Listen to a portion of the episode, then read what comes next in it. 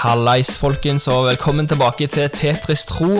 Dere skal nå få en eh, deilig forrett som handler litt om eh, hvordan en kan oppleve stabilitet i en ustabil tid. Fordi vi alle mennesker vi går gjennom ustabile tider. Akkurat nå så går vi faktisk alle gjennom en ustabil tid sammen, som kalles covid. Som bare har forandra på hvordan vi lever, og hva vi bruker tida på, og hvordan vi forholder oss til hverandre.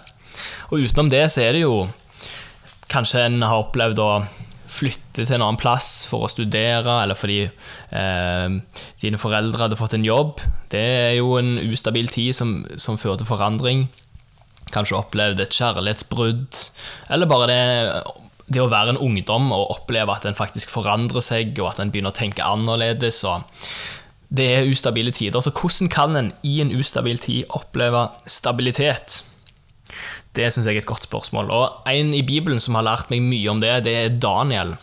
Fordi Daniel han var en mann som ble bortført fra Israel til Babylon.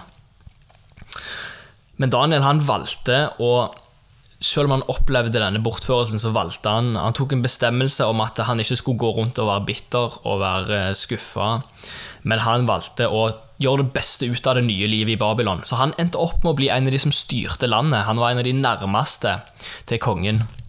I tillegg tok han en bestemmelse om at selv om han nå bodde i et land der folk flest ikke tilba Gud, så skulle han fortsette å tilbe Gud. Fordi han visste at det han trodde på, det var sant, og det gjaldt selv om han hadde et helt annet liv og en helt annen omstendighet i Babylon. Og I Babylon så gikk det faktisk så langt at det ble lagd en lov om at det bare var lov å tilbe kongen og ingen andre. Og Da er det veldig interessant å lese hvordan Daniel responderer på denne loven om at han ikke lenger får lov til å tilbe Gud. Det står i Daniel Daniel er altså en profet i Det gamle testamentet, så det er en av bøkene i Det gamle testamentet. I Daniel 6,11 så står det Da Daniel fikk vite at dette skrivet var blitt undertegnet, gikk han til huset sitt, bøyde seg på sine knær tre ganger om dagen og ba og lovpriste for sin Gud, slik han hadde gjort hele tiden. Det syns jeg er kult. Eh, og nøkkelordet her, det er for meg avslutningen 'slik han hadde gjort hele tiden'. Daniel han var en sånn mann som hadde bestemt seg for at omstendighetene skal ikke avgjøre hvordan jeg lever livet mitt. Men jeg skal gjøre det jeg vet er viktig for meg. Så om det var lov eller ikke å tilbe Gud, så hadde Daniel en vane om at tre ganger til dagen da bøyer jeg meg på mine knær og tilber Gud. Og Daniel lærer meg at jeg kan ikke leve etter de unnskyldningene jeg kommer på meg sjøl, men jeg må faktisk bare gjøre det som er viktig for meg. Så det er bare en utfordring til deg som hører på. Hvis Daniel klarte å tilbe Gud i et land der det ikke var lov å tilbe Gud, så klarer du og meg òg eh, å gjøre det.